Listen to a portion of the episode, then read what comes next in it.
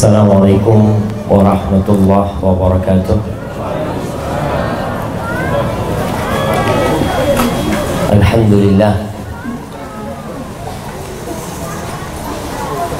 الذي هدانا لهذا وما كنا لنهتدي لولا أن هدانا الله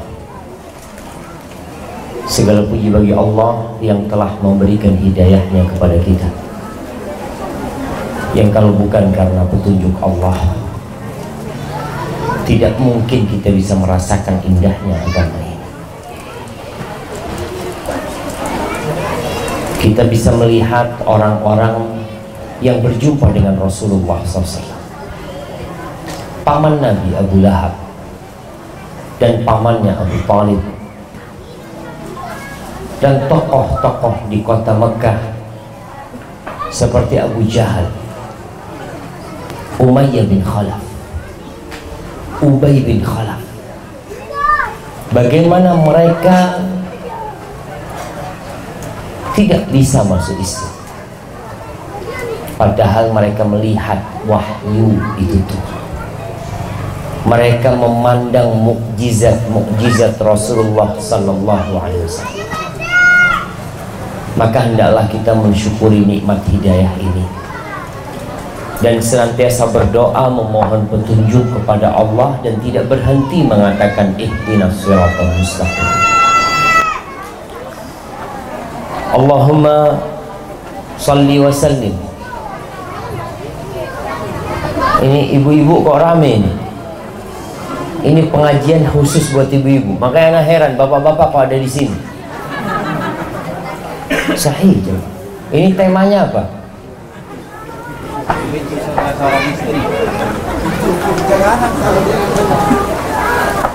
Pintu surga seorang istri. Bapak-bapak istri apa suami? Anak juga heran. Tapi ya Wallahu a'lam. Mungkin bapak-bapak ingin mendengar Supaya nanti di rumah bisa menjelaskan kembali kepada istri.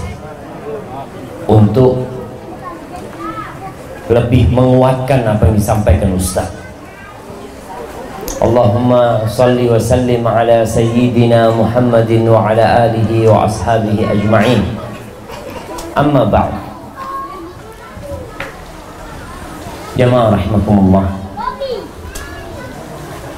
Semua berharap masuk surga. Dan ternyata Rasulullah sallallahu alaihi wasallam mengatakan kullu ummati yadkhulul jannah. Semua umatku masuk surga. Sebuah garansi bagi umat Nabi Muhammad alaihi salatu wasalam kullu ummati yadkhulul jannah. Illa man aba.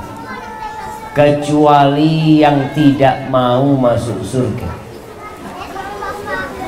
yang enggan masuk surga yang nggak masuk. Tapi semuanya boleh masuk surga. Lalu para sahabat bertanya karena termasuk sesuatu yang agak mustahil kalau ada orang nggak mau masuk surga. Kalau dibagikan di tempat ini semua yang datang ke sekolahan ini dapat duit 100 juta kira-kira datang semua enggak semuanya dapat 100 juta kecuali yang enggak mau ada yang enggak mau ya maka siapa yang enggak mau maka para sahabat bertanya, "Ya Rasulullah, waman ya'ba?" Siapa yang nggak mau masuk surga? Luasnya seluas langit dan bumi. Khimar kerudungnya, kerudungnya wanita surga. Di sini kerudungnya ibu-ibu paling mahal berapa harganya? Ibu-ibu, kerudungnya paling mahal berapa harganya? Berapa katanya? 500 ribu Tasnya, kalau tasnya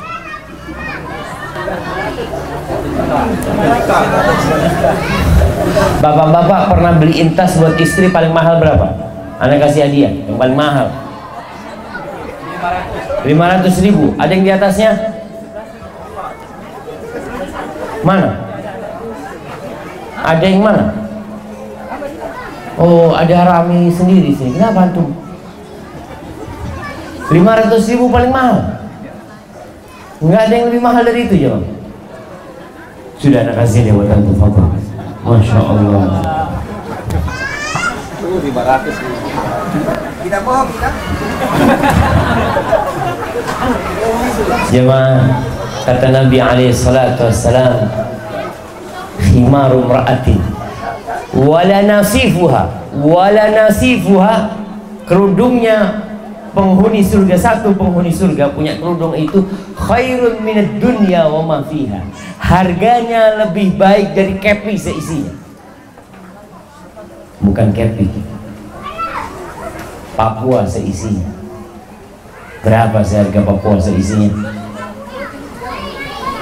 Kata Nabi alaihi salatu wasallam lebih baik daripada dunia dan isinya itu baru kerudung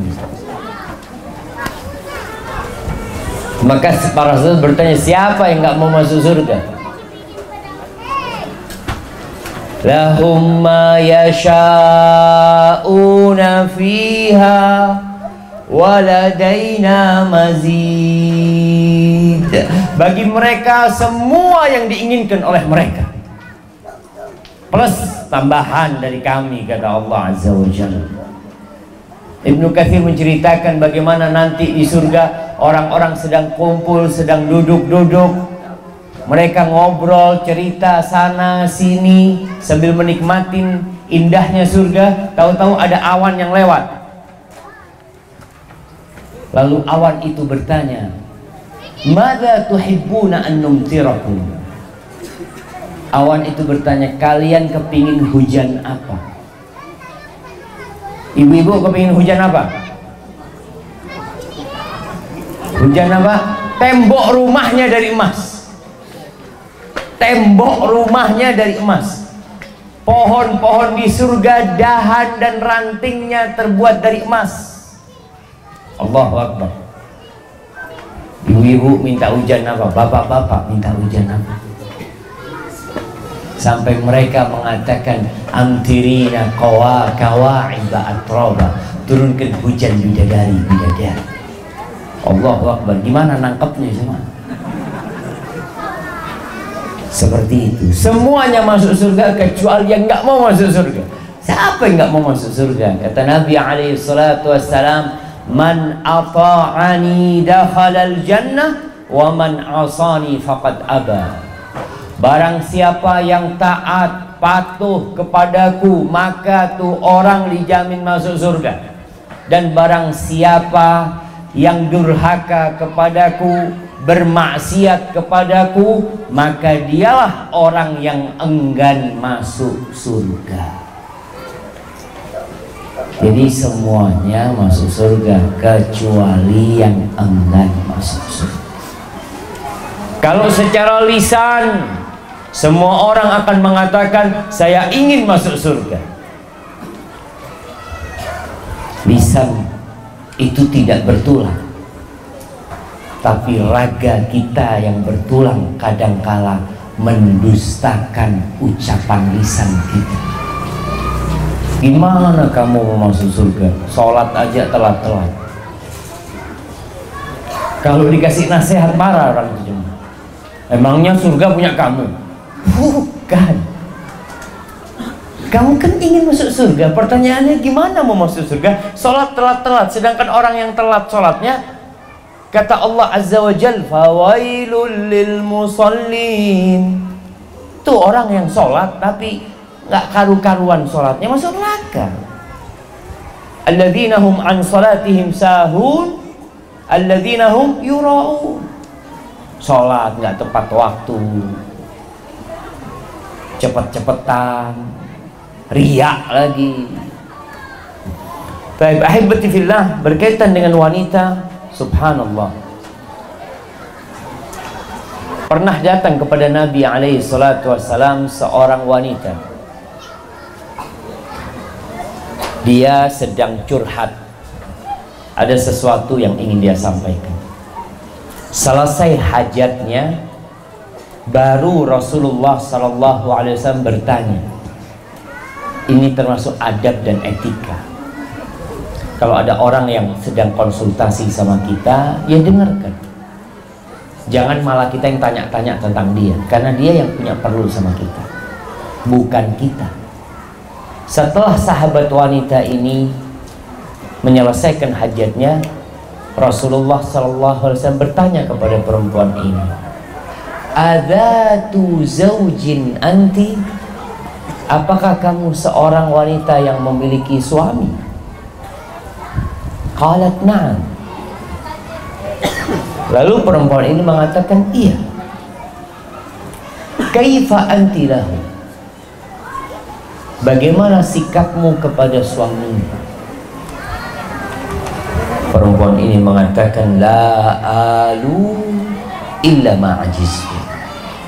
Aku tidak pernah mensia-siakan suamiku kecuali dalam kondisi yang aku nggak mampu. Lalu Rasulullah sallallahu alaihi berpesan, "Unduri aina antilahu fa innama huwa jannatuki au naruki lihat bagaimana sikapmu kepada suamimu sesungguhnya suamimu itu adalah surgamu atau neraka. Jadi seorang wanita yang sudah menikah surga dan nerakanya bukan lagi orang tuanya. Dan ini pesan buat kita para laki-laki.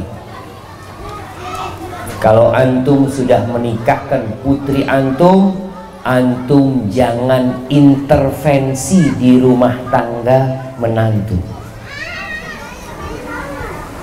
jangan kesian anak perempuan kita Bagaimana kalau dia berada di dalam rumah suaminya tapi tetap harus taat sama bapak dan ibunya? Sang suami mengatakan kepada istrinya, "Nak, kamu jangan keluar rumah ya sore ini. Aku nanti mau datang." Bapaknya telepon, "Nak, kamu habis asar ke rumah ya." Waduh. Siapa yang harus ditaati? Kata suami jangan keluar, suami mau datang. Kata bapak, kamu habis asar harus ke, rumah. Siapa yang harus taati? Bapak apa suami? Kata bapak, kamu anak durhaka. Iya.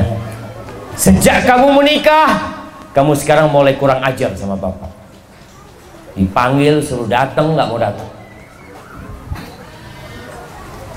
Kalau dia datang dia durhaka sama suami. Kalau dia nggak datang, dia nggak durhaka sama bapak. Apa yang harus dia lakukan? Taat sama suami. Kalau bapak marah, kenapa kamu lebih taat sama suamimu daripada kepada ayah? Sampaikan, ayah yang memberikan aku kepada dia. Ayah yang menikahkan aku sama dia. Aku dahulunya milik ayah. Tapi ayah melepaskan aku dengan sukarela.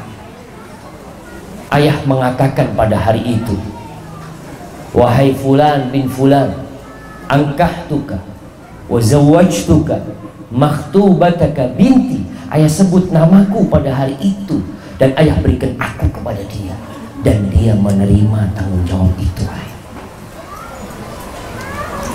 Maka tidak ada dualisme kepemimpinan setelah wanita menikah Yang ada pemimpin adalah suami oleh karena itu para orang tua jangan sembarangan menikahkan putrinya. Wanita itu makhluk yang lemah. Banyak wanita dibohong-bohongin sama laki-laki. Mudah-mudahan yang ada di sini bukan termasuk yang membohongi wanita. Kadangkala digoda dari jauh datang tuh perempuan. Kenapa wanita tidak bisa menikah kecuali ada walinya? Kalau laki-laki mau nikah tafadhol tanpa wali, tapi wanita harus ada walinya. Seorang wali yang harus benar-benar memperhatikan apakah lelaki ini pantas untuk menjadi pendamping hidup putriku. Karena jamaah kalau sekiranya suaminya itu boleh. Bisakah seorang ayah memisahkan putrinya? Dia datang kepada suami sudah aku ceraikan putriku dari dirimu. Bisa bapak ngomong kayak gitu? Tak bisa. Bisakah istri duduk-duduk di rumah melihat suaminya membolimin dia? Bang mulai saat ini kamu sudah bukan suamiku Mungkinkah itu terjadi? Walaupun sang istri mengatakan ucapan itu seribu kali, tetap dia adalah istri. Tidak akan bisa berubah. Terus gimana caranya? Harus gugat cerai. Memerlukan proses. Belum tentu diterima. Maka para orang tua coba kalau mau menikahkan putrinya bermusyawarah dahulu.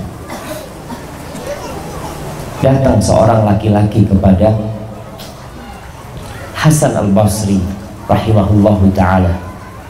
Dia bertanya wahai Abu Sa'id kepada siapa aku nikahkan putriku? Maka Hasan memberikan nasihat la tuzawwij ibnataka illa min taqi Janganlah engkau menikahkan putrimu kecuali kepada orang yang bertakwa. Kenapa orang yang bertakwa? In ahabbaha akramaha wa in lam yuhibbaha lam yadribha. Orang yang bertakwa kepada Allah, kalau dia mencintai putrimu, dia akan menghormatin putrimu. Tapi kalau dia tidak cinta kepada putrimu, dia tidak akan membolimi putrimu karena dia takut sama Allah Azza wa Jalla.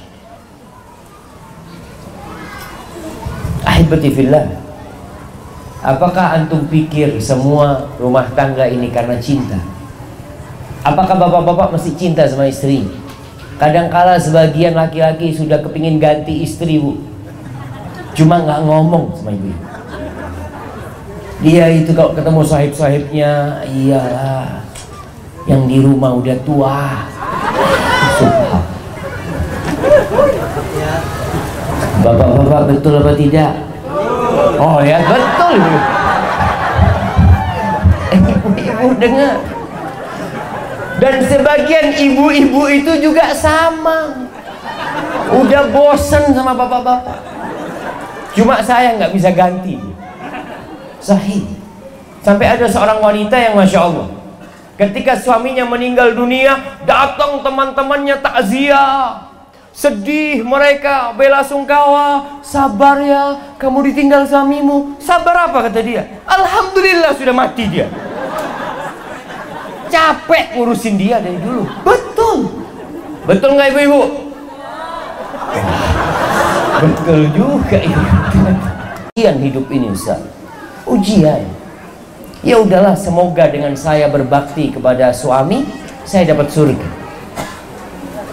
kalau ada suami yang bakhil Ustaz Allahu Akbar tiap bulan perhitungan subhanallah perempuan itu suka sama wanita eh perempuan itu suka sama laki-laki yang tampan tapi bakhil atau biasa-biasa aja tapi royal lebih bu Nah, ya biasa aja tapi royal fulusnya. Nggak perlu tampan-tampan kata dia. Yang penting fulusnya royal. Sahih. Kalau wajahnya tampan, masya Allah, tapi pelit, Allah nggak ada gunanya kata dia. Baik, kita nggak mau bicara tentang bapak-bapak, ibu-ibu, karena temanya pintu surga seorang istri. Pintu surga seorang suami tetap orang tuanya. Bapak ibunya itu pintu surga seorang suami. Tapi pintu surga seorang istri adalah suaminya fa inna ma huwa jannatuki au naruki suamimu surgamu atau neraka Anak ingin sampaikan kepada ibu-ibu, apa sih yang diinginkan oleh suami dari wanita? Ada beberapa hal. Yang pertama yang diinginkan suami dari wanita adalah penghormatan. Konsekuensi dari penghormatan ini adalah ketaatan dan kepatuhan. Hormatin suaminya. Kenapa? Karena suami ini pemimpin. Bayangin ibu, seorang suami ketika dia mempersunting seorang wanita tahu-tahu hidupnya lebih banyak bersama istrinya daripada sama orang tuanya ibunya yang melahirkan dia sekarang dia harus memikirkan wanita lain yang ada di dalam rumah Allah Azza wa Jal mengatakan Ar-rijalu qawwamuna 'alan nisa' bima faddalallahu ba'dahum ala ba'din wa bima anfaqu min amwalihim. Laki-laki adalah pemimpin bagi kaum wanita. Oleh karena Allah telah melebihkan sebagian mereka yakni laki-laki dilebihkan atas sebagian wanita. Dan karena suami itu memberikan nafkah kepada istri-istrinya fasalihat Siapa sih wanita-wanita yang soleh? Wanita-wanita yang soleha kata Allah Qanitat Hafizatun lil ghaib Bima hafidallah Tuh Wanita yang soleha adalah wanita yang taat Kepada Allah Dan dia menjaga kehormatan suaminya Menjaga kehormatan dirinya demi suaminya dia patuh dan taat kepada suaminya sebagai bentuk ketaatan dia kepada Allah Azza wa Jalla. Rasulullah SAW menjelaskan hal ini lebih dalam lagi. Kata Nabi SAW, "Lau kuntu amiran ahadan an yasjuda li ahadin." Kalau aku boleh memerintahkan seseorang untuk sujud kepada orang lain untuk sujud li ghairillah untuk sujud kepada selain Allah.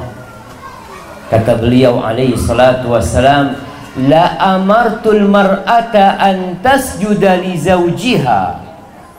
Pasti aku perintahkan seorang istri sujud kepada suaminya kalau boleh. Tapi nggak boleh. Nabi hanya ingin menjelaskan besarnya hak seorang suami. Walladhi nafsu Muhammadin biyadihi la tu'addil mar'atu haqqa rabbiha hatta tu'addiya haqqa zawjiha. Demi yang jiwa Muhammad berada di tangannya Demi Allah kata Nabi alaihi salatu wassalam. Seorang wanita tidak akan dikatakan menunaikan hak Allah Sebelum dia menunaikan hak suaminya ini sebuah keterikatan yang begitu dahsyat. Makanya kalau wanita sholat lima waktu taat sama Allah tapi durhaka sama suaminya, susah berharap masuk surga. Hak Allah harus dibarengin dengan hak suami. Masya Allah. Ini padam listrik. Tapi mic-nya masih hidup ya. Gak usah bingung kan tuh.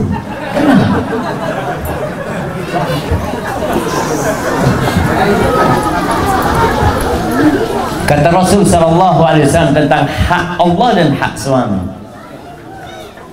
Idza sallatil mar'atu khamsaha wa samat syahraha wa ata'at zawjaha wa hafizat farjaha qila laha udkhulil jannah min ay abwabil jannati apabila seorang wanita sholat yang lima waktu ini hak-haknya Allah. Wasamat syahraha puasa di bulan Ramadan ini haknya Allah lagi. Wa ata'at zauja ini haknya suami. Dia taat menghormati suami walaupun dia nggak suka sama suami tapi dia tetap menghormati suami. Wa hafizat farjaha dia jaga kehormatan dirinya. Qila laha akan dikatakan kepada wanita ini udkhulil jannah silahkan engkau masuk surga. Dari pintu mana saja yang engkau sukai. Wallahi jamaah anak kalau bayangkan hadis ini betapa mudahnya wanita itu masuk surga dari semua pintu surga bapak-bapak nih yang ahli sholat masuk dari pintu sholat yang ahli puasa masuk dari pintu puasa. Yang ahli sodakoh masuk dari pintu sodakoh. Ini perempuan sholatnya cuma lima waktu. Puasanya cuma bulan Ramadan. Gara-gara taat dan patuh sama suaminya menjaga kehormatan dirinya dia boleh milih pintu surga yang delapan. Allah Akbar tapi ternyata memang berat bagi wanita untuk taat sama suaminya menjaga kehormatan dirinya satu perjuangan. Kemudian jamaah termasuk penghormatan kepada suami adalah melayani keinginan suami khususnya urusan ranjang. Betul nggak bapak-bapak? Bapak-bapak semangat ranjang. Ibu-ibu banyak suami ini yang menceraikan istrinya atau ribut sama istrinya. Kalau ditanya macem-macem sebabnya istri kurang seperti ini kurang seperti itu. Padahal masalah intinya masalah ranjang. Tapi dia malu ngomong. Dia malu oleh karena itu Rasulullah Sallallahu Alaihi Wasallam menekankan masalah ranjang jangan sampai seorang istri tidak melayani suaminya. Untuk hal ini apa kata Nabi alaihi salatu wasallam, "Idza da'a ar-rajulu Apabila seorang lelaki memanggil istrinya, ke mana dipanggil? Ila firashihi, ke. Ranjang kasurnya. Para ulama menjelaskan bahwa suami itu punya ranjang sendiri. Bapak-bapak punya ranjang sendiri apa kumpul sama istri? Bapak-bapak kumpul sama istri, punya ranjang sendiri. Di masa itu mungkin rumahnya tidak besar. Mereka tidak bisa memiliki ranjang kan ranjang itu ada yang buat satu orang, ada yang buat dua orang. Sekarang masya Allah satu ranjang bisa buat tujuh orang. Besar besar. Di masa itu suami punya ranjang nggak terlalu besar ranjangnya istri punya ranjang sendiri karena istri kadang-kala menyusui maka di sinilah usahakan seorang istri kalau sedang menyusui anaknya nyusui di ranjangnya dia. Setelah itu ke ranjangnya suami. Anaknya udah tidur ya sudah pindah ke ranjangnya suami. Kalau seorang perempuan dipanggil oleh suaminya ke ranjangnya, fa'abat, lalu dia nggak mau, karena mungkin sedang capek atau ada alasan lain lah, males, mungkin sedang sakit hati sama suami, nggak dikasih uang belanja yang cukup, fa'abat, fa'abat lalu suaminya marah, emosi, Padahal salah satu tujuan pernikahan adalah menyalurkan keinginan ini. Menjaga kehormatan diri.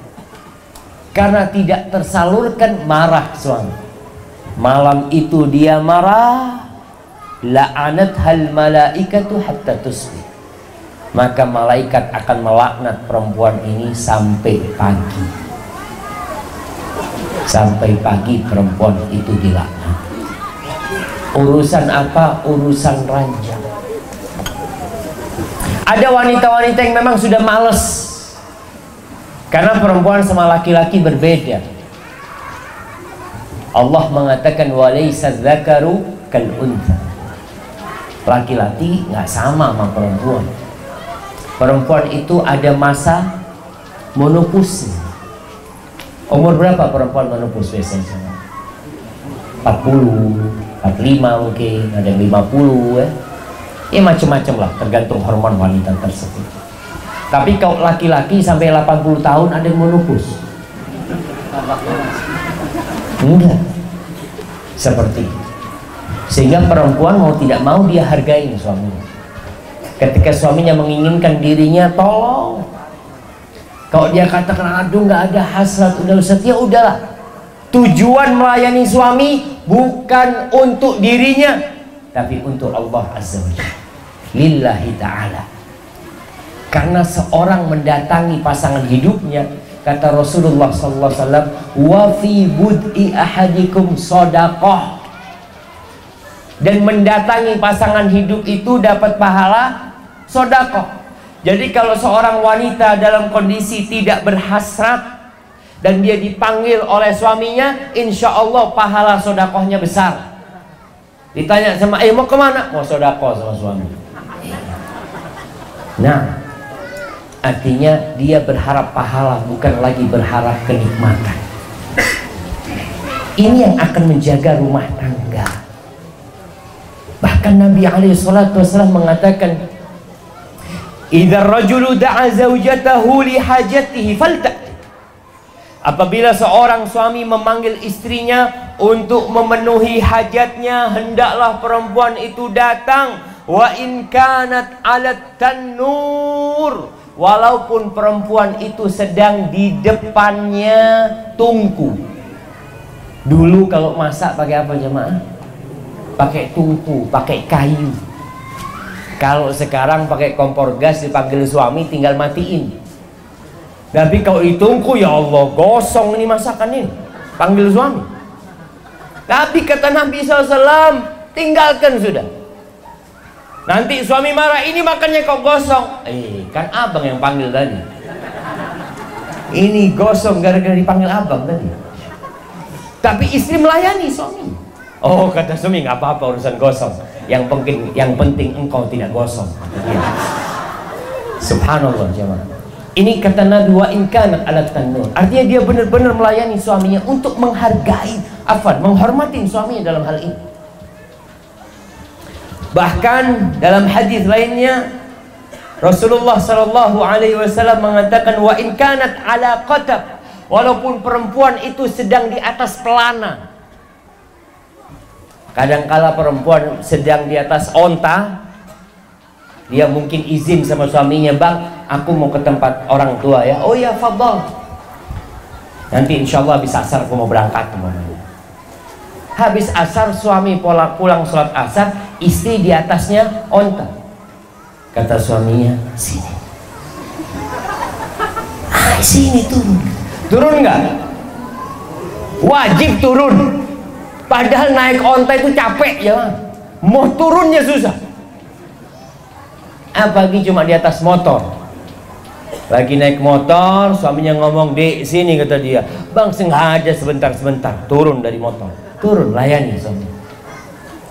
Subhanallah jemaah ternyata ada sebuah rahasia yang sebagian orang mungkin lupa atau wanita sebagian juga lupa kata Rasul sallallahu alaihi wasallam innal mar'ata tukbilu fi surati syaitanin wa tudbiru fi surati syaitanin wanita itu datang dalam rupa setan dan pergi dalam rupa setan Maksudnya apa? Dia selalu menggoda. Perempuan ini mau dilihat dari belakang menggoda. Dilihat dari depan menggoda. Makanya laki-laki diperintahkan untuk menundukkan pandangan. Dan Nabi SAW mengatakan faida absara ahadukum imra'atan. Apabila seseorang di antara kalian melihat seorang wanita falyati ahla maka hendaklah dia pulang ke keluarganya. Kalau antum di jalan melihat wanita nggak sengaja tahu-tahu kemudian antum berhasrat ke mana? Pulang kata Nabi SAW datangin istrinya fa inna dzalika yaruddu ma fi nafsi itu akan menyelesaikan hasrat yang ada di jiwanya dalam riwayat lain Nabi Alaihissalam mengatakan fa inna ma'aha mithl ladhi ma'aha. Yang ada di perempuan yang dia lihat sama persis dengan yang ada di istrinya. Sama jemaah. Beda apa sama? Sama. Makanya kalau ibu-ibu ngelihat suaminya bukan jam kerja pulang, eh ada apa ini? kok kayak kesetanan? Ya pantas memang. Ya sudah bismillah sudah. Kunci pintu kamar kalau anak masih ada anak titipin sama tetangga anaknya. Eh ruang tetangga.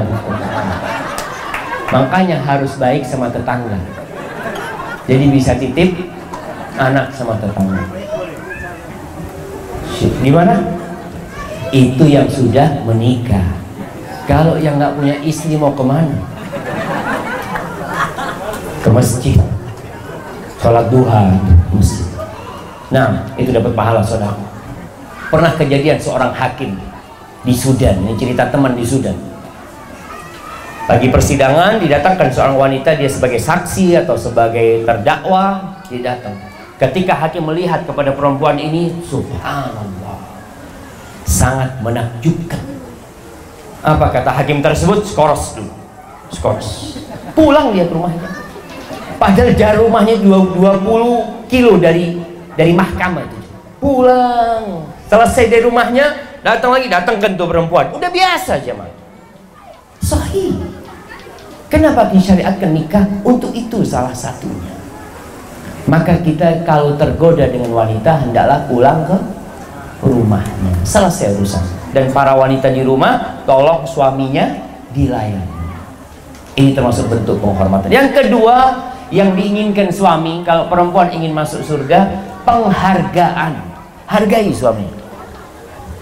Bagaimana menghargai suami? Ya dengan berterima kasih kepada dia. Melihat kepada kelebihannya dan tidak melihat kepada kekurangannya. Banyak wanita yang menghuni neraka gara-gara tidak menghargai suami. Kata Rasulullah sallallahu alaihi wasallam, "Uritun nar." ditampakkan kepada aku neraka faida aktsaru ahlihan nisa dan ternyata kebanyakan penghuni neraka itu perempuan. Maka ada yang bertanya kenapa Rasul sallallahu alaihi wasallam yakfurna? Mereka itu kufur. Ayakfurna billah? Apakah mereka kafir kepada Allah? Lah yakfurnal ashir wa yakfurnal ihsan mereka itu tidak menghargai suaminya kufur kepada suaminya. Tidak menghargai kebaikan-kebaikan suaminya. Lau ahsanta ila ihdahunna dahr dikata Nabi. Kalau kamu berbuat baik kepada istrimu sepanjang tahun satu tahun suami berbuat baik terus sama istrinya. Thumma ra'at minka syai'an lalu dia melihat ada satu hal yang menyakiti hati dia maka istri ini akan mengatakan ma ra'aitu minka khairan qat. Aku tidak pernah melihat engkau berbuat kebaikan sedikit. Mas kamu tidak pernah menyenangkan hatiku. Saya nggak pernah bahagia hidup bersamamu. Ini cuma satu kesalahan. Gimana kalau tujuh kesalahan? Maka para wanita hendaklah berterima kasih sama suami. Lihatlah kepada kelebihannya. Ya mungkin suami tidak seperti suami tetangga. Engkau syukuri. Cara mensyukuri nikmat suami ini hendaklah kita melihat kepada yang di bawah.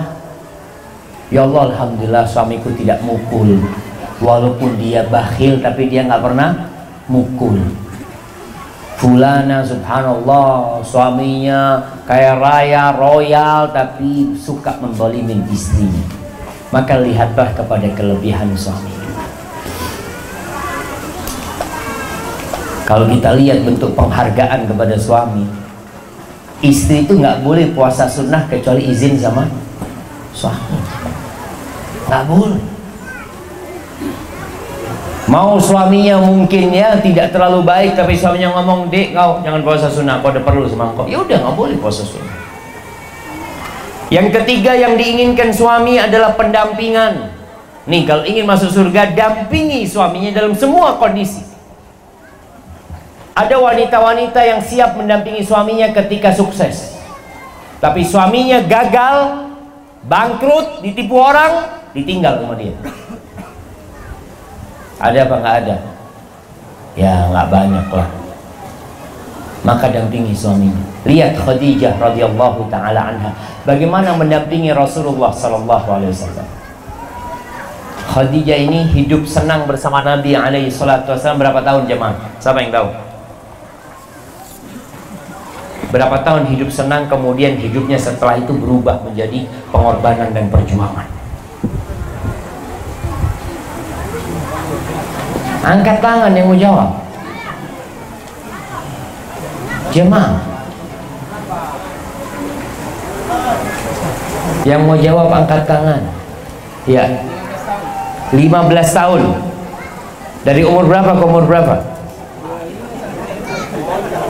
Dari umur Nabi 25 sampai umur 40 tahun. Sahih jemaah. Betul. Hadiah Masya Allah. 15 tahun setelah Nabi SAW dapat wahyu berubah hidupnya suaminya dicaci maki orang. Dihina orang. Mau dibunuh sama orang. Disiksa orang diboikot. Bayangkan Rasul SAW pernah diboikot selama tiga tahun di Syekh Abi Talib. Sampai makan daun-daunan. Itu Khadijah tidak termasuk dalam orang-orang yang diboikot karena dia dari suku yang lain yang diboikot itu dari Bani Hashim Khadijah tidak masuk, tapi Khadijah tetap masuk bersama suaminya. Dia dampingi suaminya dalam kondisi susah, bukan hanya dalam kondisi suka. Maka ini yang diperlukan kalau ingin masuk surga. Jangan mau senang. Tapi memang wanita ini tergantung kenapa dia memilih suaminya. Kalau dia menikah karena kekayaan suaminya, kalau suaminya bangkrut, selesai sih. Dia akan memilih laki-laki lain. Karena dia memang niatnya nikah hanya karena kekayaan. Maka dampingi suaminya. Pulang dari tempat kerja. Capek suaminya. Jangan ditanya dari mana.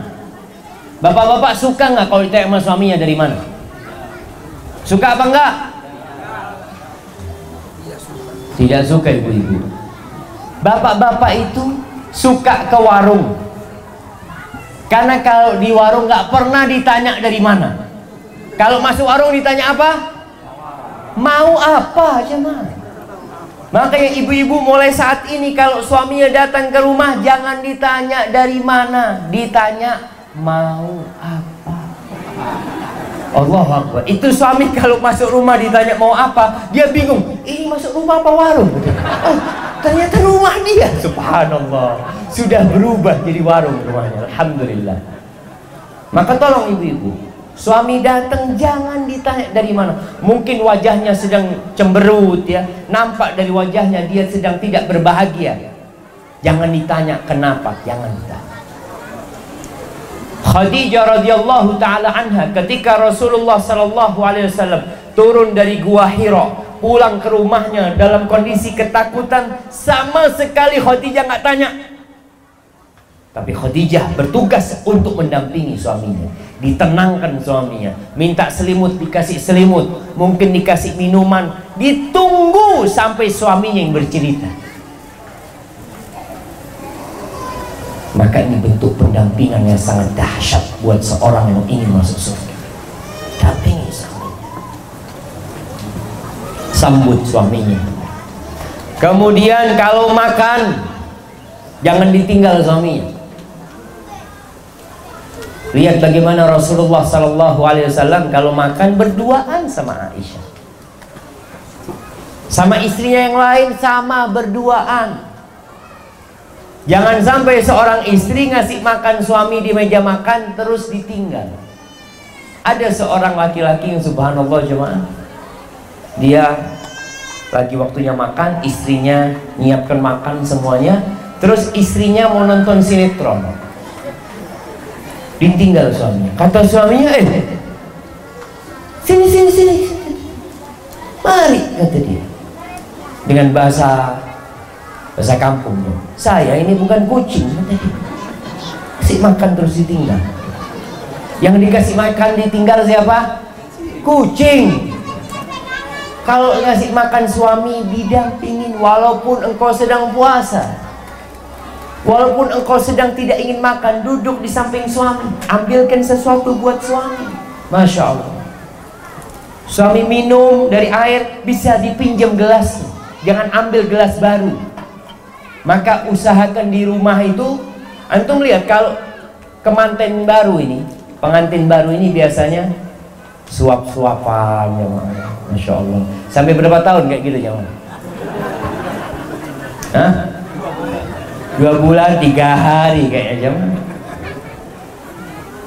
Subhanallah. Rasul SAW sampai tua alaihi salatu wassalam.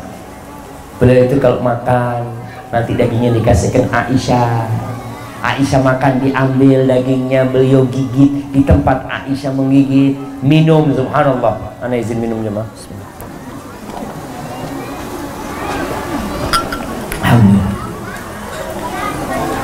Ketika Aisyah minum dari gelas sama Nabi Sallallahu Alaihi Wasallam diambil itu gelas, beliau meletakkan mulutnya di tempat Aisyah meletakkan mulutnya.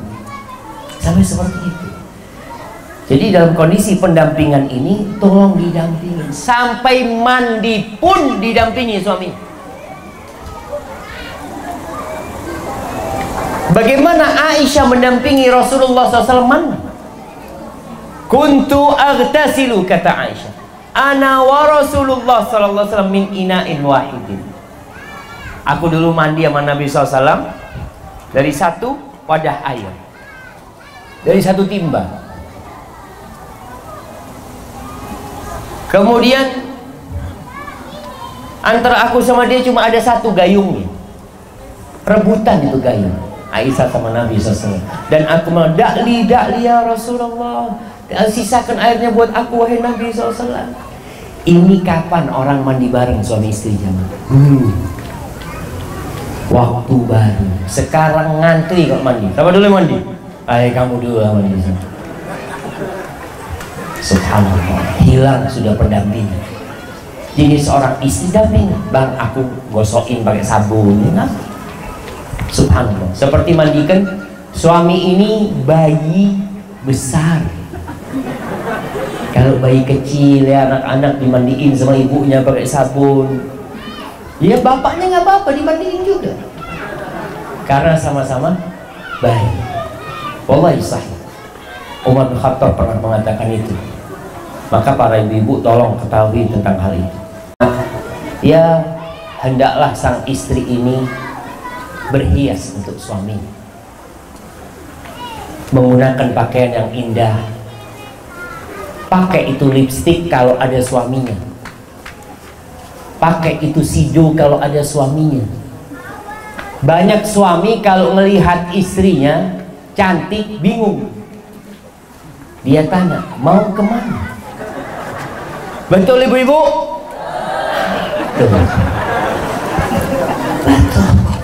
Dirubah sekarang. Bersolek berdandan berhias itu untuk suami bukan untuk suami tetangga.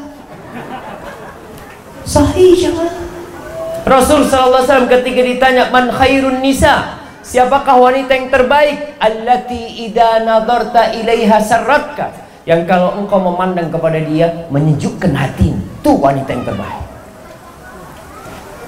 maka usahakan di rumah itu dipakai itu lipstick dipakai baju-baju yang seksi yang indah buat suaminya Suami datang ke rumah, mau ke mana kamu? Nyambut engkau bang, Masya Allah. Wallahi ini sesuatu yang hilang dari rumah tangga. Aisyah radhiyallahu taala demi berhias buat suaminya, kadang kala dia pinjem kalungnya. Kakaknya Asma, pinjem dia jangan. Karena dia tahu suaminya bukan orang kaya.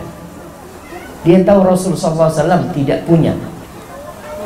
Dia tahu kakaknya Asma punya kalung ya, dia pinjem untuk berhias untuk suaminya. Maka tolong istri seperti itu. Pinjem kalungnya tetangga.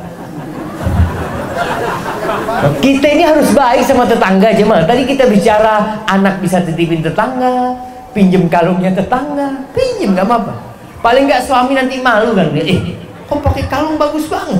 dia pinjem lah bang abang nggak beli bang insya Allah mungkin itu sebagai pintu suami belikan kalau nggak apa-apa artinya pinjam untuk berhias kepada suami silahkan istri mau pakai sido warna hijau lipstick warna hijau pakai baju warna hijau lagi masya Allah sampai kayak lumut dia jemaah tapi nggak apa-apa Arti kasih sesuatu yang menarik buat suami. Hari ini temanya di rumah semua hijau. Besok ungu. Sampai suami buka makanan ada terong ungu, masya Allah. Semua jadi ungu. Itu sesuatu yang menarik. Jadi suami nggak bosan di rumah. Ada ada buku jamaah subhanallah. Judulnya Satu Istri Empat Rasa. Masya Allah. Jadi istri pandai, istri pandai untuk bagaimana melayani suaminya. Besok apa, besok apa, itu penting. Kenapa? Karena godaan dan fitnah wanita di luar itu dahsyat sekali. Kalau sang istri tidak berusaha untuk melakukan sesuatu yang menarik buat suaminya, suami akan tertarik di luar. Tapi kalau dia sudah menundukkan pandangan cukup di rumahku ada surgaku selesai. Karena istrinya pandai. Jangan sampai suami masuk rumah, buka pintu rumah, tahu-tahu yang tercium ikan asin. Suami langsung masuk. Astagfirullahaladzim. Itu masalah. Tapi masuk rumah yang tercium gahru. Ini di Kepi banyak gahru ya. Tapi nggak pernah dihidupin di rumahnya, dijual. Sekali-kali dihidupin di rumahnya, dibakar tuh gahru. Tapi jangan yang mahal-mahal, suami malah marah gitu. Ini gahru yang harga berapa dibakar? Ribut sama suami. Ada tapi bikin rumah itu wangi, menarik, jangan subhanallah.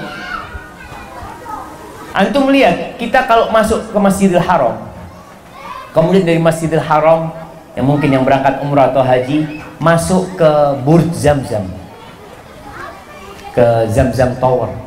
Itu dari jarak berapa meter, aroma wanginya jamaah, ya Allah. Karena banyaknya toko parfum di sana. Maka bikin rumah sebelum suami datang parfum sudah dihidupi, masak udah selesai, nggak ada lagi aroma yang tidak nyaman. Ada perempuan-perempuan yang masya Allah kalau suaminya datang nggak ada bau ikan sudah nggak ada, tapi rambutnya ada yang di roll itu mah rambut di roll, kemudian pakai bedak putih-putih, ada yang dipakai pipinya pakai timun, pakai bengkoang. Itu suami datang astagfirullah. Ini istrinya siapa ini? Nggak ada lagi seperti itu. Pakaian Ya beli, suami juga perlu lah. Ini para suami belikan istri pakaian yang indah.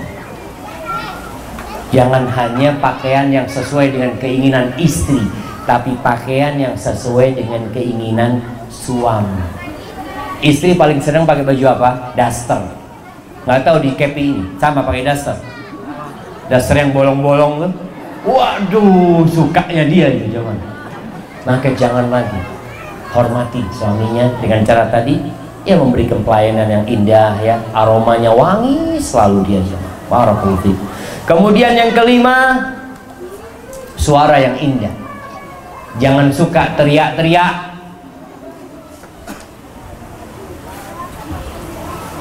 perempuan itu dilarang berlemah lembut kalau ngomong sama orang asing. Kalau ngomong sama orang lain perempuan itu harus tegas. Nggak boleh dia tarik-tarik omongannya nggak boleh. Tapi kalau sama suaminya ah suami suka dengan yang kayak gitu. Kalau ngomong penuh penuh dengan rayuan ya. Ini itu. Padahal sebenarnya istri juga mungkin bosan sama suaminya tapi ya gimana? Sudahlah Allah berfirman di surat Al-Ahzab ayat 32 fala takhda'na bil qaul maka janganlah kamu para wanita melembutkan suara dalam berbicara kepada lelaki asing, kepada orang lain. Fayat ma'alladhi fi qalbihi marad. Ternyata omongan yang lembut dari seorang wanita itu bisa membangkitkan gairah dari orang yang hatinya berpenyakit. Ada laki-laki hidung belang, gara-gara omonganmu, maka tolong perempuan kalau ngomong sama suaminya yang lembut, kalau ngomong sama orang lain yang tegas. Kalau sedang telepon, sudah sama laki-laki, mau ada perlu yang tegas. Belanja nih perempuan nih kalau belanja biasanya merayu. Boleh dia menawar tapi tidak dengan melemah lembutkan suaranya. Ayolah mas, nggak ada kayak gitu. Ayolah mas, turunin harganya. Boh, yang tegas ya Ustaz, kalau kayak gitu nggak diturun, nggak apa-apa. Yang penting saya menjaga kehormatan suami. Tolong dijaga. Fala takhdha'na bil qaul. Kalau sama suami, merayu suami telepon sama suaminya bang abang kok nggak pulang sih bang dingin banget nih malam bang masya allah itu suami langsung Bismillah naik pesawat ketika sang istri ini pandai mengolah kata intonasi ucapannya indah itu suami suka. Dan Allah melarang wanita melakukan itu kepada laki-laki lain kepada istri suami berarti dianjurkan jangan itu khusus buat suami. Kemudian yang keenam, wanita ini hendaklah memberikan dukungan dan motivasi buat suaminya. Bukan hanya pendampingan, tapi ada dukungan dari suaminya. Kita lihat bagaimana istri-istri Nabi Muhammad Sallallahu Alaihi Wasallam, bagaimana Ummu Salamah mendukung suaminya. Dia kasih saran kepada suaminya, kasih masukan kepada suaminya tanpa menggurui. Ketika suaminya mau buka usaha, mamanya dia lihat kayaknya usahanya ini kurang prospek tapi katakan bang cobalah abang musyawarah tapi kalau anak lihat kayaknya kurang prospek tapi anak ikut abang kalau abang ingin usaha itu jangan nanti suaminya gagal diketawain sama istri ah udah dikasih tahu nggak dengerin Gak seperti itu istri ini tugasnya kemudian yang ketujuh jaga kehormatan diri Jangan suka keluar rumah wanita. Jangan. Allah mengatakan waqarna fi buyutikunna. Kalian para wanita menetaplah di rumah kalian. Kalau harus keluar wala tabarrajna tabarrujal jahiliyatil ula. Kalau harus keluar jangan bersolek seperti orang jahiliyah. Nih tadi pagi kita bicara tentang jilbab. Orang Arab itu asalnya nggak pakai jilbab hukum asalnya oh, tradisi orang Arab budaya orang Arab tidak berjilbab mereka biasa pakai pakaian yang setengah dadanya nampak wanita-wanita. Rambutnya disanggul sama mereka. Belahan dada belahan punggung pakaian mereka transparan. Itu tradisi jahiliyah. Orang Arab jahiliyah kayak gitu. Kapan mereka berubah? Ketika Islam datang mereka jadi baik. Islam datang merubah. Maka jagalah kehormatan diri wanita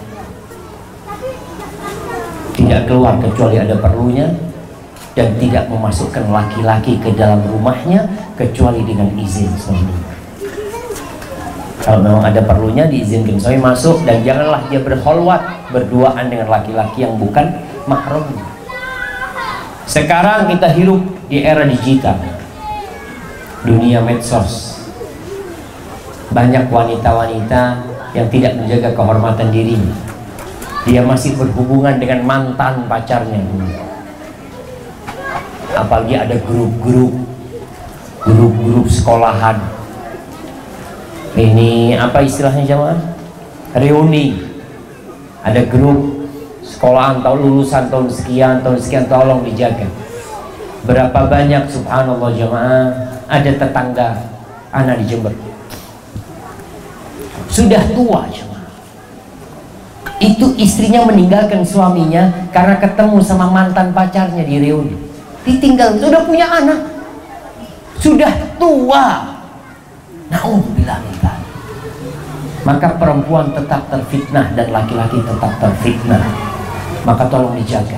Jaga kehormatan diri dengan tidak berhubungan kecuali ketika ada perlunya grup-grup yang cuma isinya bergurau macam-macam yang tidak berguna tinggalkan kalau seorang wanita mungkin dimasukkan ke grup di sana dia tidak mau keluar oke okay, nggak keluar tapi nggak perlu dibuka juga.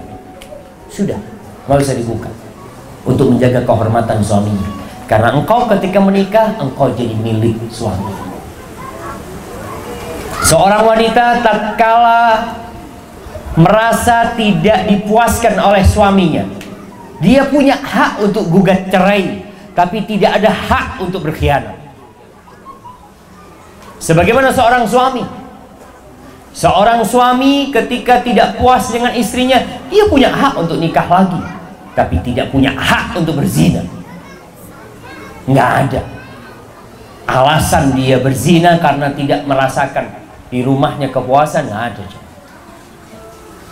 maka tolong dijaga Masya Allah 5 menit lagi Barakallahu fikum kemudian yang kedelapan ya buat para wanita. Kalau ingin masuk surga jaga amanah yang ditinggal suami. Yaitu anak-anak dan urusan rumah. Rasulullah SAW mengatakan khairu nisa'in rakibnan ibil.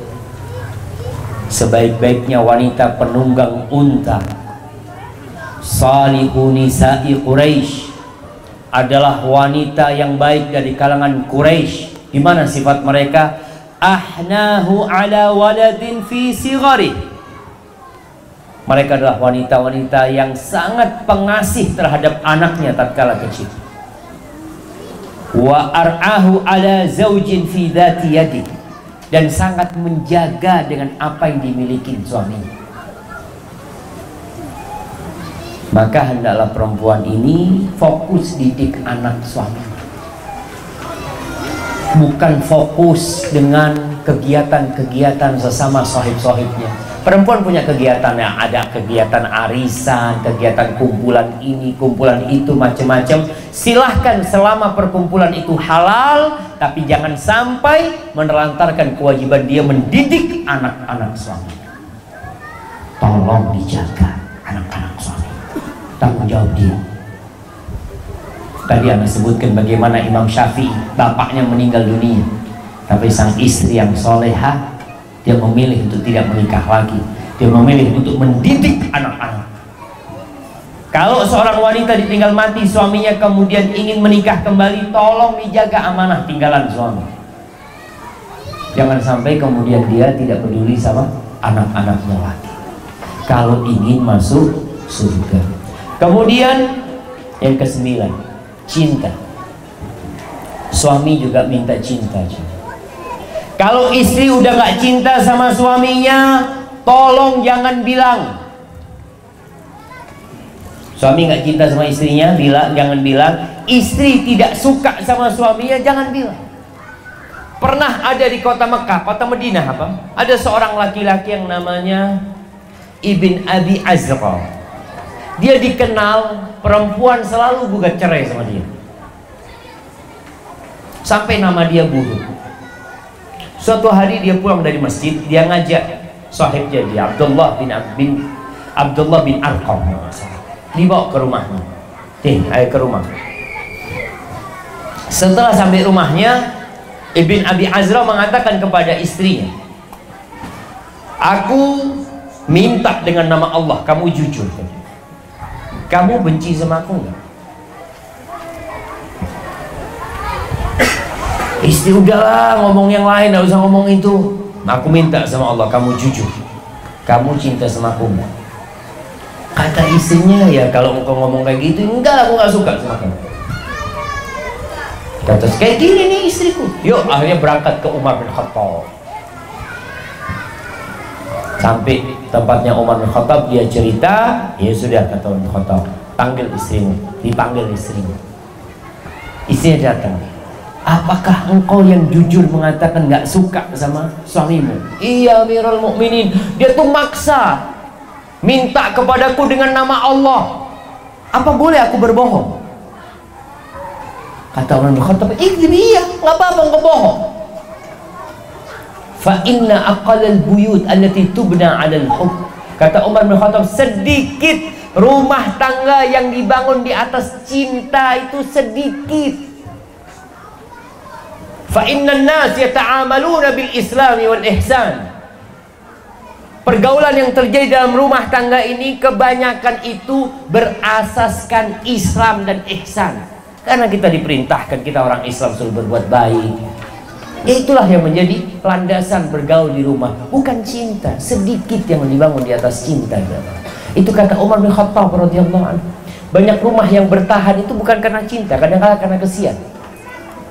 Istri kesian sama suami, suami kesian sama istri tapi kalau ditanya kamu cinta nggak sama aku mas kalau kau belah dadaku namamu akan terukir di sana padahal terukir nggak disukai cuma dia bilang terukir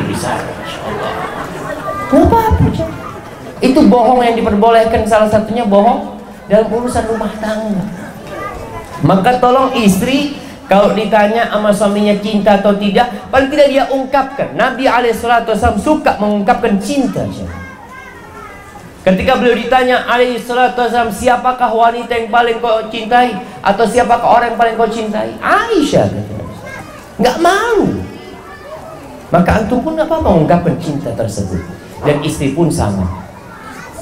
Hada wallahu a'lam bishawab. Itu yang bisa saya sampaikan kita masuk ke sesi tanya jawab. Ini pertanyaan dari ibu-ibu semua.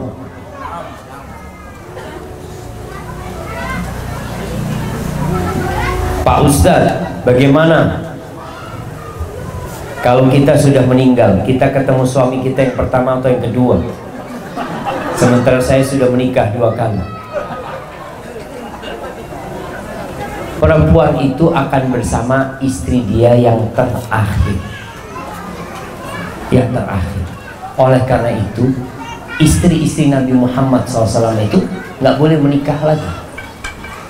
Kebanyakan janda istri Nabi, janda mati. Makanya mereka setelah meninggalnya Rasulullah SAW nggak boleh menikah lagi karena mereka akan menjadi istri Nabi Muhammad SAW. Seperti itu.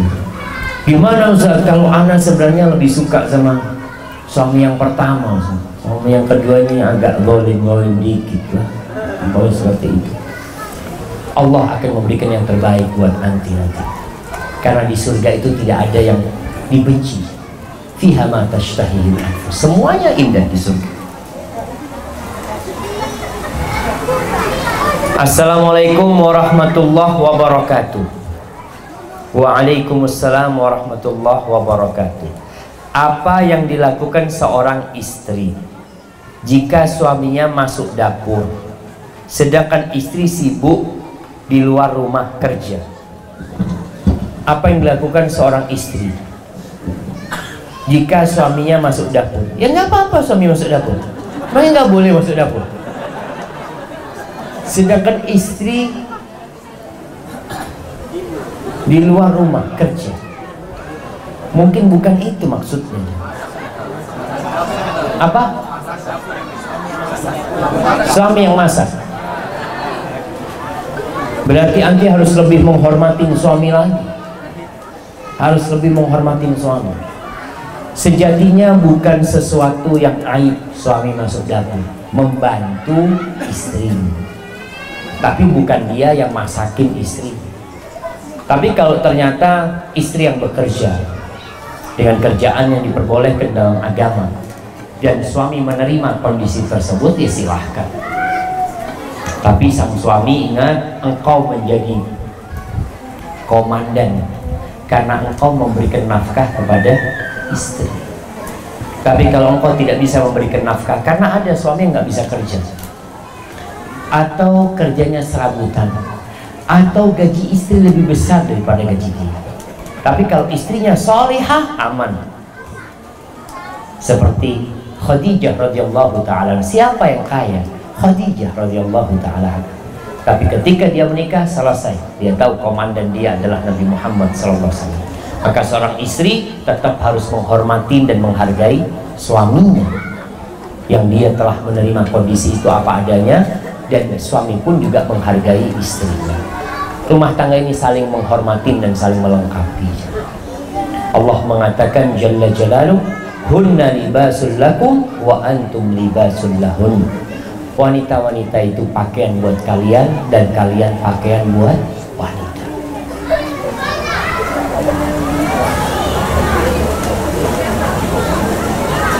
Pak Ustadz mau nanya apa ciri-ciri seorang istri calon penghuni surga? Tadi udah kita sebutkan Dia menjaga sholatnya Menjaga puasanya. Perempuan ini tolong wanita-wanita ini jangan sampai punya utang sampai mati. Suami tolong ingatkan istrinya. Wanita-wanita yang tidak punya puasa sunnah Biasanya utang Ramadannya tidak terbayar karena dia nggak punya puasa sunnah. Yang wajib aja berat dia lakukan. Tapi kalau wanita ini menjaga puasa Senin Kamis insya Allah utangnya lunas. Wanita yang sholat lima waktu jangan ditunda-tunda sholatnya. Puasa di bulan Ramadan dibayar utangnya taat sama suaminya jaga kehormatan dirinya maka insya Allah dia akan masuk surga. Bagaimana agar kita tidak berat menjalankan sholat lima waktu? Jadikan sholat itu kebutuhan kita Bukan kewajiban. Ada orang yang ibadahnya kebiasaan Dan ada orang juga yang kebiasaannya ibadah. Ada orang makan ibadah Jalan ibadah Tidurnya pun ibadah Karena dia niatkan semuanya lillahi ta'ala. Ada orang yang ibadahnya kebiasaan Kenapa kamu sholat? Ya saya dari dulu sholat Kenapa kalau Ramadan puasa? Ya memang seperti ini budaya kita kalau Ramadan puasa. Itu ibadahnya kebiasaan. Jangan sampai ibadah kita jadi kebiasaan. Tapi jadikan kebiasaan kita ibadah mau. Sehingga nggak akan berat jemaah sholat. Ketika dengar suara azan ya Allah, Nabi alaihi salatu wassalam, beliau itu kalau ada masalah ke mana larinya? Sholat Bahkan beliau mengatakan kepada Bilal, "Qum ya Bilal, bangun Bilal." Masya Allah. Ini pada terbang semua jemaah. Antum kayaknya duduk di sini aja. Nah.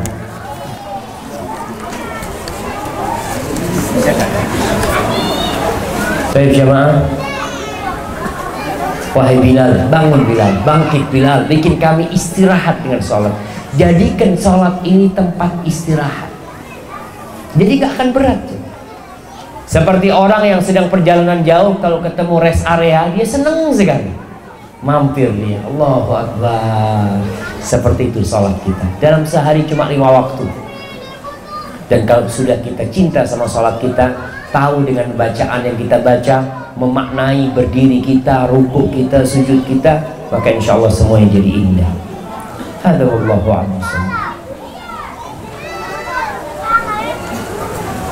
Bagaimana solusi seorang istri kalau merasa berdosa kepada suaminya sedang suaminya sudah almarhum sudah meninggal dunia maksudnya? Untuk menebus segala rasa bersalahnya seorang istri. Ia doakan suaminya Kenapa Nabi Alaihissalam ketika menyebutkan amalan manusia yang tidak terputus? Anak soleh yang mendoakan Bukan istri soleha yang mendoakan. Anak soleh yang mendoakan. Kalau anak ini tidak akan pernah berubah bapaknya. Ibunya tidak akan pernah berubah. Tapi kalau istri suaminya bisa berganti. Dia bisa ganti suami Suaminya mati selesai dia Dia lupa sama suaminya dahulu. Maka tolong seorang istri nggak apa-apa apa-apa. Artinya engkau ingin nikah lagi nggak masalah. Tapi kalau engkau merasa bersalah dan engkau ingin bersama suamimu di surga ya jangan nikah lagi. Engkau doakan suamimu jaga anak-anaknya berbuat baik selalu. Insya Allah itu akan menembus dosa-dosa dan kesalahan Ustaz, apa sih doanya supaya anak bisa semakin nurut sama orang tua? Nah, banyak baca doa. Salah satu doanya adalah Rabbana hablana min azwajina wa dzurriyyatina qurrata a'yun waj'alna lil muttaqina imama yang ada di surat Al-Furqan ayat 70 mungkin ya baca doa baca Rabbi habli minas salihin tapi jemaah kita harus sadar. Ada seorang sahabat atau tabi'in. Dia suka marah sama pembantunya. Pembantunya ini nggak nurut. Dia suka marah sama pembantunya. Kalau marah sama pembantunya apa kata majikannya ini? Ma asbahaka bisayyidika betapa miripnya engkau dengan tuanmu dia ingin mengatakan aku ini juga nggak taat sama Allah. Aku kurang patuh sama Allah. Pantas kalau punya pembantu nggak patuh nggak taat. Jadi orang tua yang merasa anaknya nggak patuh dan taat coba lihat mungkin engkau juga nggak taat dan patuh sama Allah melihat anaknya disuruh-suruh menunda-nunda waktu mungkin engkau juga suka menunda-nunda waktu sholat akhirnya anakmu sama nggak patuh jadi orang tua yang ingin anaknya patuh dan taat tolong dia dulu patuh dan taat sama Allah Insya Allah itu membuka peluang anaknya untuk taat dan patuh Bagaimana hukumnya jika seorang istri marah kepada suami karena sholatnya bolong-bolong? Marah boleh, marah karena Allah Azza wa Jalla. Tapi ada caranya. Yang pertama, anti harus tanya. Kok bisa anti memilih suami yang sholatnya bolong-bolong? Sebagai istri, engkau melakukan kesalahan dalam hidup ini. Memilih suami yang sholatnya bolong-bolong. Maka kepada suami yang sholatnya bolong-bolong, istri hendaklah memberi nasihat, bukan marah. Dia marah karena Allah, tapi caranya dengan memberikan nasihat kepada suami. Duduk sama suami cari waktu yang tepat, karena tetap suami adalah pemimpin. Kalau kita punya pemimpin yang sholatnya bolong-bolong, kira-kira pantas nggak anak buah mengatakan, bos, bos, sini bos, duduk sini bos. Saya lihat bapak ini sholatnya bolong-bolong, masya Allah. Padahal dia cleaning service, masih nasihat bos. Dia caranya, ada caranya. Tetap kita diperintahkan watawa bil haq, watawa sabr. Suaminya habis makan malam ya sambil dipijit suaminya, kakinya dikasih minyak, dipijetin, bang. Kalau boleh aku mau minta sesuatu sama abang.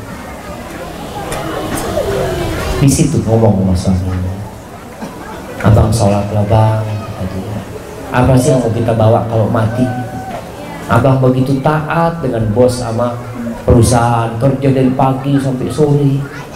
Masa sama Allah yang ngasih kita segala-galanya kita nggak memberikan hak Allah azza jadi caranya ya indah ketika ngomong sama suami. Barakallahu Bagaimana hukumnya dan aturannya secara Islam? Melakukan hubungan suami istri pada saat istri haid atau nifas atau sakit. Apakah bisa menolak dengan ajakan suami dengan lembut? Nah, kalau dalam kondisi haid dan nifas, maka sang istri silahkan tetap melayani suaminya. Kalau alasannya cuma haid dan nifas tapi tidak boleh di tempatnya anak. Rasul SAW kalau hendak menghubungi Aisyah dalam kondisi haid, dulu Aisyah disuruh pakai sarung. Maka Nabi SAW menjauhi tempatnya anak itu aja. Jadi yang lainnya masih diperbolehkan. Istri masih diperbolehkan untuk memuaskan suaminya, tapi tidak di tempatnya anak. Kalau si, sang istri capek lelah, maka hendaklah dia boleh menolak dengan cara yang baik. Tapi kalau dia masih mampu, Bismillah. Dia capek lelah ya Allah, atau dia sakit merasa dia sakit, mudah-mudahan ini jadi obat. Dan insya Allah jadi obat. Ada suami yang pengertian, ada suami yang tidak pengertian. maka jangan sampai kondisi rumah gara-gara menolak jadi ribut tapi kalau benar-benar istri sedang sakit parah ya minta maaf sama suami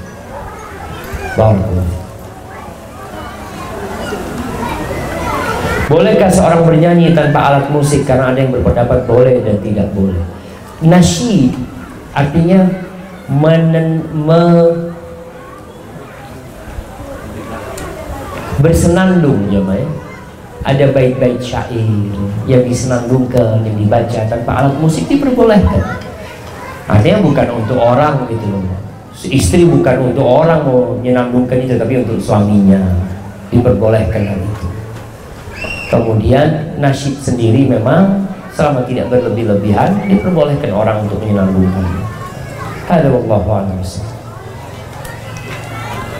Mengapa di saat sholat wanita muslimah yang memakai cadar melepas cadarnya? Naam jemaah. Karena memang ketika dia sholat dia itu menghadap Allah Azza wa Jalla. Dia tutupin semua auratnya kecuali wajah dan tangannya. Namun ketika sholat ada lelaki yang memandang, di situ dia diperbolehkan untuk memakai cadar. Jadi kalau cadar itu gunanya supaya tidak dilihat oleh laki-laki. Ketika anti sholat, nggak ada yang melihat anti. Anti sholat di rumah, masa mau pakai cadar sholat di rumah? Allahu Akbar. Itu suami ngelihat istri pakai cadar. Sholat model apa lagi? Dan kita tahu memang ada khilaf di antara para ulama apakah wajah wanita itu aurat atau tidak yang harus ditutup maksudnya. Ada a'lam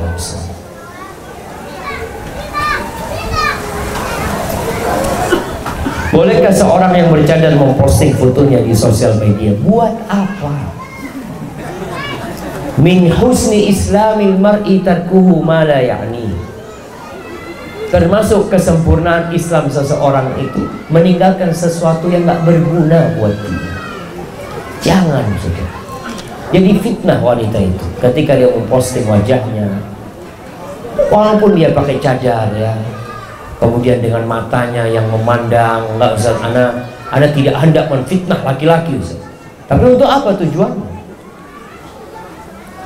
maka ingat Allah mengatakan waqarna fi buyutikunna tinggallah di rumah kalian.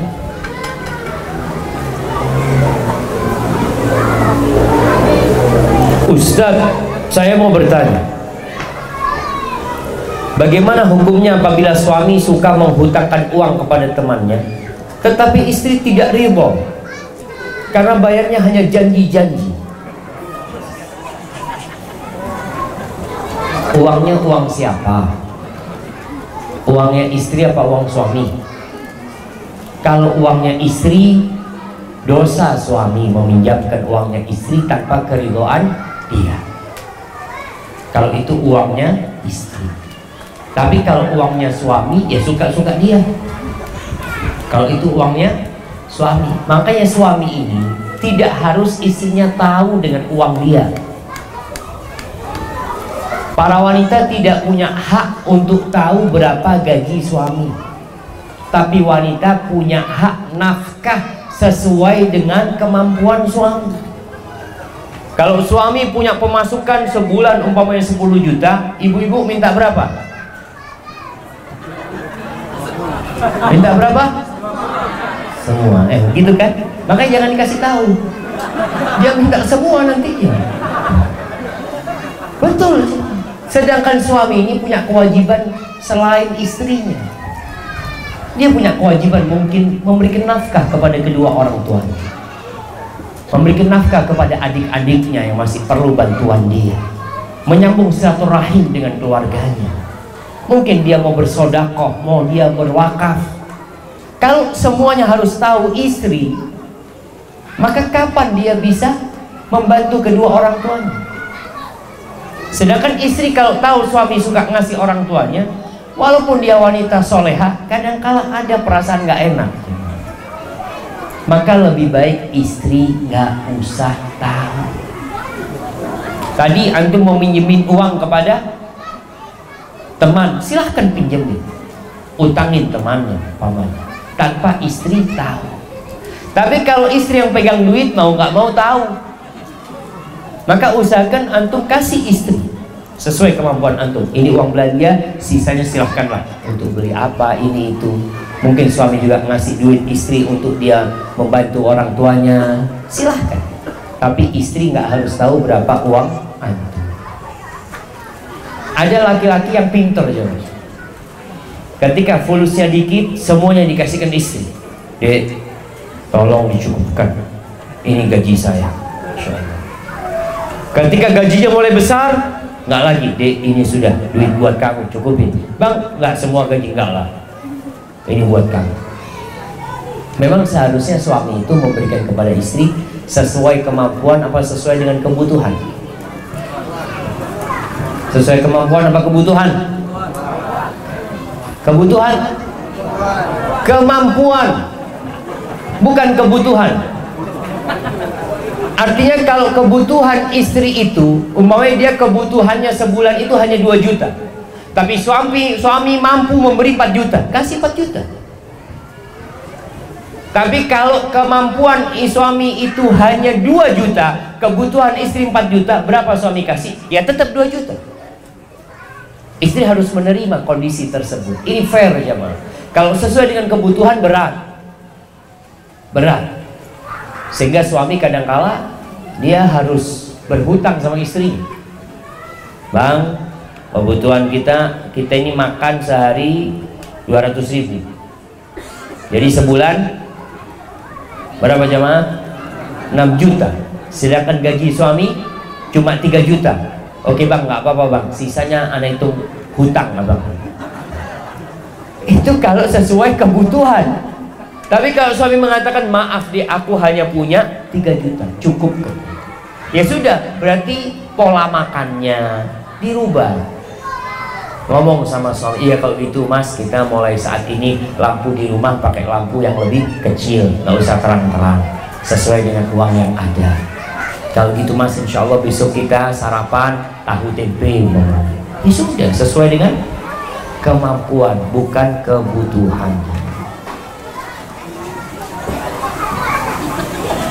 Ustaz saya mau tanya berapa lama istri ditinggal suami tanpa nafkah lahir batin baru dikatakan janda selama-lamanya tidak akan dikatakan janda wanita ini tidak bisa menceraikan dirinya sendiri jemaah Makanya perempuan kalau nggak dikasih nafkah sama suaminya punya hak gugat cerai.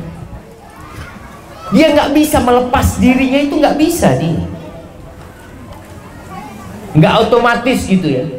Kecuali suaminya murtad langsung pernikahannya rusak. Selesai sudah. Ketika suaminya murtad selesai. Dia bukan lagi suami itu kondisi yang memang merusak pernikahan tapi kalau dia tinggal suami nggak tahu suaminya mati mungkin di hutan sana mungkin suaminya merantau kemudian di sana dia menikah lagi nggak pulang ke kepi sini umpamanya. Apakah otomatis perempuan jadi janda? Tidak. Dia harus datang ke hakim melaporkan kondisi dirinya. Di sini nanti hakim memutuskan. Memutuskan kalau dia sudah memulai masa idahnya. Kalau suaminya dibilang mati berarti warisannya dibagi. Kalau suaminya ada di sana tapi suaminya nggak mau balik. Maka di sini nanti hakim memutuskan udah kalau gitu engkau hulu gugat cerai dan gak ada warisan kalau gugat cerai itu. Hadza wallahu a'lam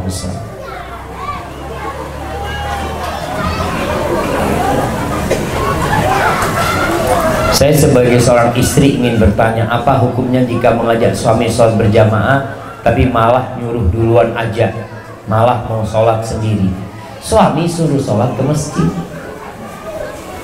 Tapi kalau nggak mau sholat ke masjid ya sholat di rumah lah.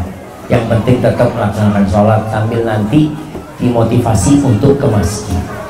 Dikasih motivasi dengan fadilah-fadilah tentang pahala sholat di masjid. Itu insya Allah membuat suami akan sholat di masjid. Kalau suami memang mengatakan sudah kamu sholat duluan ya sudah istri sholat dulu. Ketika suaminya menyuruh seperti itu. Sumber bisa pakai ijazah pondok saja.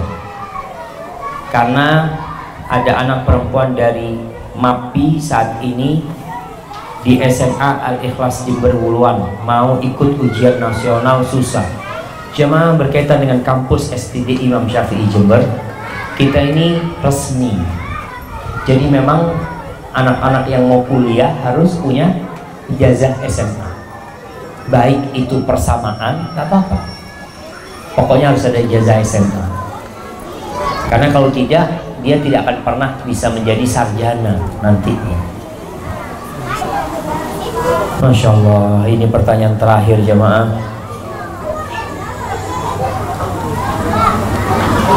Bagaimana sikap kita sebagai istri dan ibu jika melihat suami berbuat dolim atau kasar kepada anak-anaknya? Apakah cukup diam saja atau boleh melawan suami karena sikapnya? Syukron Ustaz. Haibatibillah Ingat rumah tangga ini tetap ada watawa bil haq watawa. Kalau dikatakan suami kasar sama anak-anak, ya kadangkala kekasaran suami itu karena karakter. Ada kekasaran suami yang karena masalah di tempat kerjanya yang dibawa-bawa ke rumah. Bagaimana sikap istri? Istri bisa merubah suami. Karakter suami bisa dirubah bukan bicara melawan tapi nanti ketika di kamar berdua sama suami sampaikan kepada suami bang mohon maaf minta aku mohon bang anak-anak ini kalau dikasarin bukan tambah baik bang dia tambah nggak benar bang tapi kalau abang mau duduk sama dia makan bareng sama dia ngobrol bareng sama dia insya Allah bang anak-anak kita akan taat dan taat ngobrol sama suami tentang cinta dan kasih sayang. Ketika ada seorang laki-laki yang datang kepada Nabi Alaihissalam dia bertanya atau kabiluna sibyanakum? Apakah kalian mencium anak-anak kecil kalian kata Nabi nah. Oh katanya aku punya anak sepuluh satu nggak ada yang aku cium. Karena kasar dan kerasnya dia. Kata Nabi SAW amlik inna naza Allah min qalbika rahmah. Ya gimana? Mungkin Allah sudah mencabut rahmat dari hati maka ingat, istri coba menumbuhkan kasih sayang di hati suami. Dengan cara menumbuhkan keimanan. Ajak suaminya ziarah kubur, ngomong sama suami. Masih kita lama nggak ziarah kubur, datang ke kubur. Karena ziarah kubur itu termasuk yang melembutkan hati kita Kemudian membesuk orang yang sakit, ngomong sama suami, Mas kita punya sedikit rizki Yuk kita berangkat ke rumahnya orang yang sedang susah. Itu juga melembutkan Ada wallahu alam sahab Itu yang bisa anda sampaikan pada kesempatan kali ini. Apabila benar itu dari Allah Azza wa Jal Kalau ada yang salah dan kurang berkenan Itu dari diri anak pribadi Allah dan Rasulnya terbebaskan dari kesalahan itu. Sallallahu ala nabiyina Muhammadin Wa ala alihi wa sahbihi Assalamualaikum warahmatullahi wabarakatuh